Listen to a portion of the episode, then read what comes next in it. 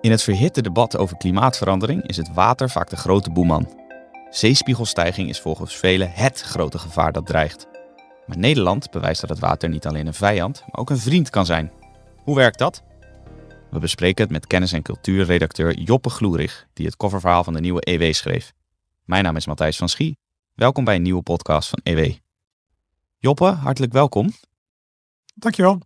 Jij uh, reisde de afgelopen weken heel de Nederlandse kust af uh, om te onderzoeken hoe wij worden beschermd tegen het water en uh, de potentieel verwoestende kracht van de zee. Waar ben je allemaal geweest?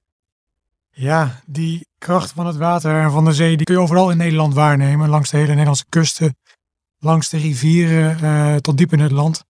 Um, ik ben geweest nou ja, op, de, op de Scheldekeringen in Zeeland, in het noorden van het land.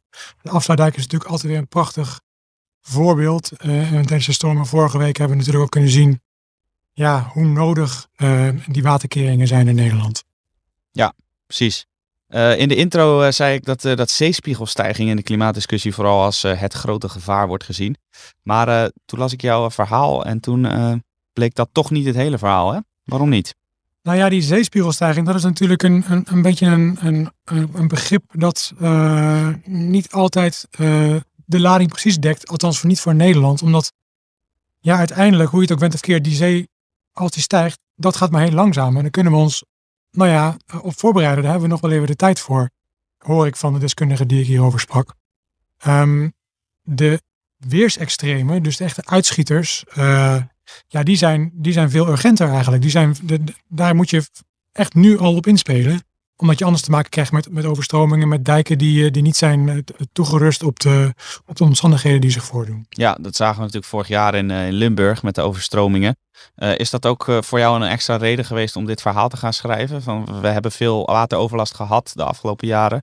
Uh, hoe gaan we dat oplossen? Nou ja, die, die wateroverlast dat is inderdaad uh, een, een terugkerend probleem. Niet alleen dit jaar, niet alleen vorig jaar, maar, maar ja, door de hele Nederlandse geschiedenis eigenlijk je zou kunnen zeggen dat de Nederlandse, Nederland zijn, zijn bestaansrecht er bijna aan, uh, aan dankt. Mm -hmm.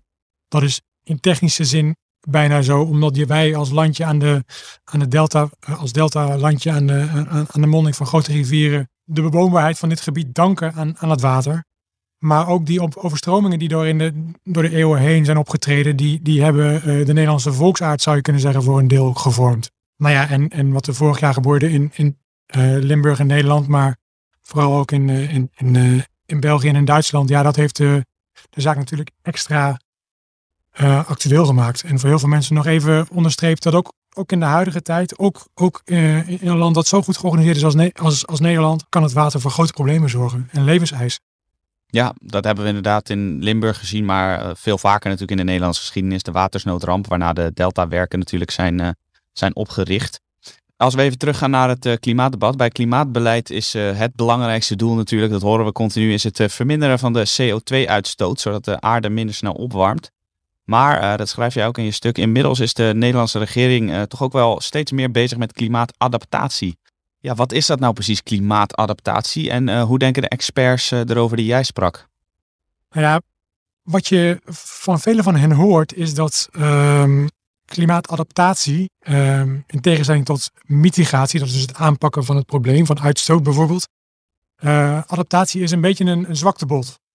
Uh, je geeft je als het ware over aan het probleem en je zegt we kunnen de oorzaak niet oplossen, dus we gaan maar oplossingen bedenken. Uh, bijvoorbeeld dijken ophogen of andere manieren om het water ehm, buiten de deur te houden. Symptoombestrijding dus in plaats van de bron aanpakken. Ja, symptoombestrijding.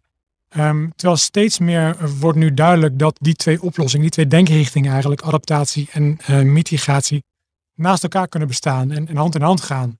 Het is niet het een of het ander. En als je maar uh, slim genoeg bent, dan kun je ook adaptatie, zal ik maar zeggen, structureel maken en ook letterlijk adaptief maken. Dus als de zeespiegel stijgt, stijgt dan, dan groeit ook je oplossing als het ware mee. Dat zie je bij een aantal van die, van die oplossingen die nu worden um, toegepast. Ja, dit is niet één, één verzinsel en daarmee uh, gaan we weer afwachten tot, uh, tot het moment dat die oplossing niet meer uh, toereikend is. Nee, dat zijn echte dynamische oplossingen die, die meegroeien met het probleem als het ware. Ja, nee, als leek uh, denk ik zelf vaak als ik weer hoor over de vele miljarden die aan uh, CO2-reductie worden besteed. Van ja, wij kunnen in Nederland heel braaf zonnepanelen neerleggen, windmolens bouwen.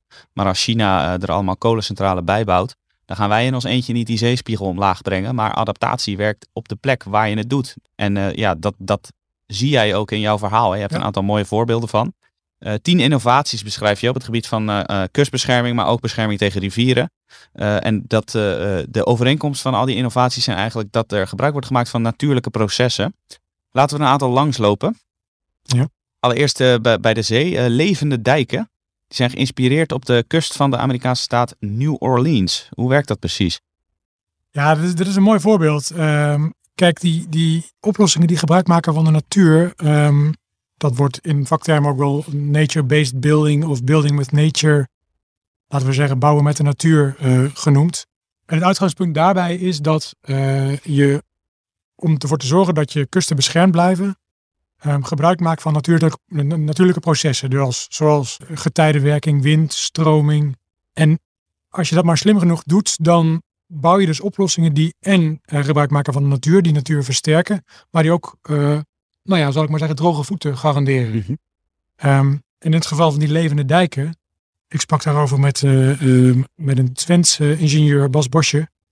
En die, um, die vertelde me, kijk, we zagen bij de overstromingen um, na orkaan Katrina 2005 in New Orleans, dat de gebieden rondom de stad New Orleans, waar, waar uh, nou ja, moerasgebieden, redlands uh, bestonden, dat daar de schade relatief beperkt bleef. Hm dat was op zichzelf geen nieuw gegeven, maar het, het onderstreepte wel weer eens de kracht van die, van, die, van die moerasgebieden, die je in het Nederlands ook wel het kwelders zou kunnen noemen. Dus het, het, uh, het overstromingsgebied buiten dijks, tussen de dijk en de zee, dat uh, nou ja, bij hoogwater onder water komt te staan. Ja, maar bij, in, in New Orleans was dat dus natuurlijk, zo was dat nou ja. eenmaal gegroeid voor die kust. Maar in Nederland kunnen we dat ook kunstmatig creëren. Exact, ja. ja we hebben in Nederland voldoende waterbouwkundigen die kunnen kijken wat zo'n natuurlijk proces precies inhoudt. Heel veel metingen verrichten. Uh, heel goed kijken dat, dat ook nabootsen in, in, uh, nou ja, in, in, labomgevingen, zal ik maar zeggen.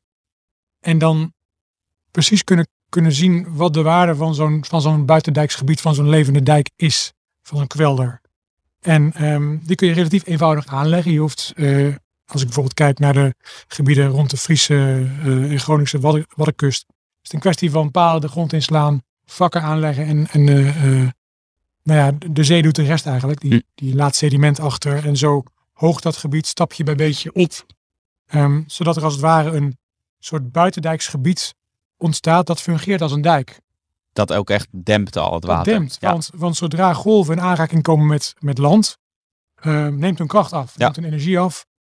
Uh, en op die manier uh, ontlast je dus voor een deel de, de oorspronkelijke dijk. Waardoor daar minder druk op te, komt te staan, die hoeft minder hoog te zijn. Um, en dat, dat systeem werkt prachtig. Je moet dat wel, uh, nou ja, je, moet, je moet er goed over nadenken waar je dat precies doet. Niet, niet elk gebied leent zich daar even goed voor. Nog niet helemaal bekend is hoe zo'n kwelder zich precies houdt onder extreem weer, dus onder hevige storm of iets dergelijks. Wordt allemaal uitvoerig getest. Um, maar in elk geval kun je, kun je rustig stellen dat zo'n kwelder, uh, een levende dijk dus, um, heel goed in staat is om, om uh, uh, golven af te remmen en daarmee de, de, de kust beter te beschermen. Ja, mooi voorbeeld, zo'n levende dijk bij de zee. een andere bijzondere term die ik tegenkwam in jouw stuk, bijzondere innovatie, was wandelend zand. Ik ga zelf geregeld wandelen op het zand, op het strand. Ja. Maar ik wist niet dat zand zelf ook kan wandelen. Hoe gaat dat in zijn werk? Ja, het wandelende zand, de, de, de mooiste, eigenlijk het, het, het, het, meesterstuk van de Nederlandse bouwen met de natuurachtige kustbeschermingsoplossingen is wel de zandmotor in Zuid-Holland. Daar is, zijn tientallen miljoenen kubieke meters zand opgespoten vlak voor de kust. Um, er is een soort kunstmatig schiereiland ontstaan, een beetje ter hoogte van, van, van Den Haag, ietsje zuidelijker. Scheveningen, daar ergens, ja. Kijkduin. En dat zand, het idee was dat zand, dat vindt zijn weg zelf wel. Dat hoeven wij niet per se neer te leggen waar het nodig is. Wij leggen het hier neer, we spuiten het hier op, heel veel. En door stroming en getijdenwerking en wind ehm, belandt dat zand precies op de zwakke plekken in de, in de duinrand. Daar wandelt het dus naartoe. Daar wandelt het langzaam heen. eh, en, dat heeft tijd nodig, heeft jaren nodig. Maar intussen eh, nou ja, valt, valt waar te nemen dat het inderdaad werkt. Die zandmotor, zoals die genoemd wordt, die, die spoelt langzaam een beetje noordwaarts eh, langs de Nederlandse kust. En, en verste- verstevigt precies de plekken die, die nodig zijn. Ehm, nou ja, een, een, een heel mooi voorbeeld van, van een, een natuurlijke oplossing. Dus gebruik maken van natuurlijke processen. Die eh, intussen ook wordt eh, toegepast eh, op andere plekken in Nederland. Maar ook in het, in het buitenland zijn Nederlandse baggeraars hetzelfde principe aan het toepassen. Ja, dat, dat klinkt heel goed. En voor het beschermen van onze kusten, maar dus ook om er een zakcentje aan te verdienen. Want dat is voor Nederland natuurlijk ook altijd belangrijk. Een goede manier om dat te benutten in financiële zin. Absoluut. En bovendien, om, om- als het toch over geld gaat, dit soort oplossingen die zijn vaak, vertellen de deskundigen mij, op termijn goedkoper dan het traditionele dijkonderhoud Mhm. bijvoorbeeld. Als je een dijk heel hoog moet maken en nou ja, dijken moeten goed worden onderhouden. Het lijkt eenvoudig, maar het is heel kostbaar. En als je er op een of andere manier voor kan zorgen dat, dat, dat er wat minder druk op die dijken komt te staan. En dat ze wat minder hoog hoeven te zijn. Dat gaat je op termijn geld schelen. Ja, als dat zand zichzelf eigenlijk eh, die bescherming zelf in stand houdt, Ja. dan Ja. eh, hoef je er niet continu geld in te pompen. Nou, klinkt heel, heel verstandig allemaal. En we hebben twee voorbeelden genoemd van innovaties eh, eh, bij de zee. Laten we er nog eentje eh, voor de rivieren noemen. Want de rivieren die treden natuurlijk ook wel eens buiten hun oevers, zoals we vorig jaar hebben gezien. En daar zijn ook oplossingen genoeg voor te vinden. En ook voor deze oplossing is inspiratie opgedaan in het buitenland. Maar hier wordt dan juist een typisch Nederlandse boom ingezet, in dit geval de wilg. Ja, de wilg, de goede oude wilg. Die, die, die kennen we van rivierengebieden, doet het heel goed aan, aan de waterkant. De oorsprong van, van dat idee zijn de, de mangrovenbossen, die, die je bijvoorbeeld in Bangladesh wel ziet, of in Suriname komen ze voor. Ehm, en daarvan is bekend dat ze ook een golfremmende werking hebben. Ze houden en ze voorkomen ehm, eh, eh, het, het, het, za- het, het zakken van kustgebieden, hè, dus het eh, eh, inklinken van land doordat ze modder vasthouden. En zo hebben bieden ze een prima bescherming. Dat zie je dus in eh, die mangrovenbossen. Die hebben een bepaalde werking in, in, Bangladesh, in Suriname en andere tropische gebieden. Indonesië noemde jij ook, hè? omdat daar zo'n grote ja. Ja. eh, tsunami is geweest in 2004. Ja, absoluut. Eh, Indonesië heeft heel veel last van, van zinkend land, zal ik maar zeggen. Maar goed, die mangrove die, die, die groeit niet eh, in Nederland. Eh, Hm. En er zijn maar weinig bossen, die, weinig boomsoorten die het in, in eh, ziltegebieden goed uithouden. Ehm, dus als het over bomen gaat, dan, dan kijken we naar de rivieren in Nederland. Eh, en de wilg blijkt het daar erg goed te doen. Dus die kun je prima aanplanten eh, langs rivieroevers. eh, zodat ze daar een soort, soort golfremmende werking hebben. Ehm, sediment vasthouden, modder vasthouden. Ik meen dat een, van de deskundigen me vertelde dat, dat het in elk geval zoal 300 kilometer Nederlandse rivieroever eh, kan betreffen die je met wilgen beter kunt beschermen. Zo. Ze worden echt volop wilgen geplant nu langs de oevers eh, van de rivieren. Ja, het is, kijk, dat, dat, die, die rivieren, dat is natuurlijk een, eh, een, een oud probleem tussen aanhalingstekens in Nederland. Want kijk, in, in de jaren, jaren 80 is eigenlijk al het idee gestaan dat je de rivier de ruimte moet geven. Hè? De, de, de ruimte voor de rivier uit te waarden moet vergroot worden. Eh, eh, je moet iets met die dijken, die moeten misschien net even wat anders geplaatst worden. Eh, en als je wilgen daarvoor kunt gebruiken, lang niet elke rivier kun, je, kun je omzomen met hele stroken wilgen hoor, maar het, het helpt een beetje. Ja. En we hebben in elk geval dus vorig jaar gezien in, in, in relatief kleine waterlopen, Zuid-Limburg betroft de geul, hè, heel mooi en, en maar relatief klein. Dus, dus, dus het is maar een bescheiden riviertje. Maar zorgt er wel voor grote problemen, omdat daar de rivier amper de ruimte heeft om, eh, om, om, om te overstromen als het ware. Ja, en dat kwam dus ook door, eh, door extreem weer, zoals je dus net al zei.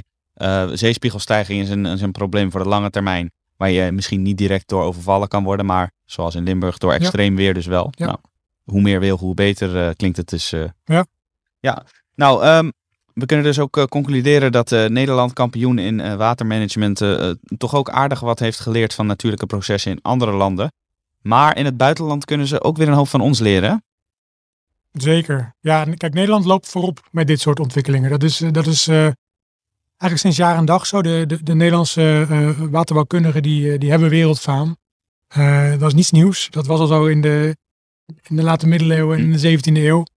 Nu kun je zeggen, kijk, die waterbouwkundigen die, die lopen ook voorop in deze nieuwe denkrichting. Dus deze, deze denkrichting die gebruik maakt van natuurlijke processen.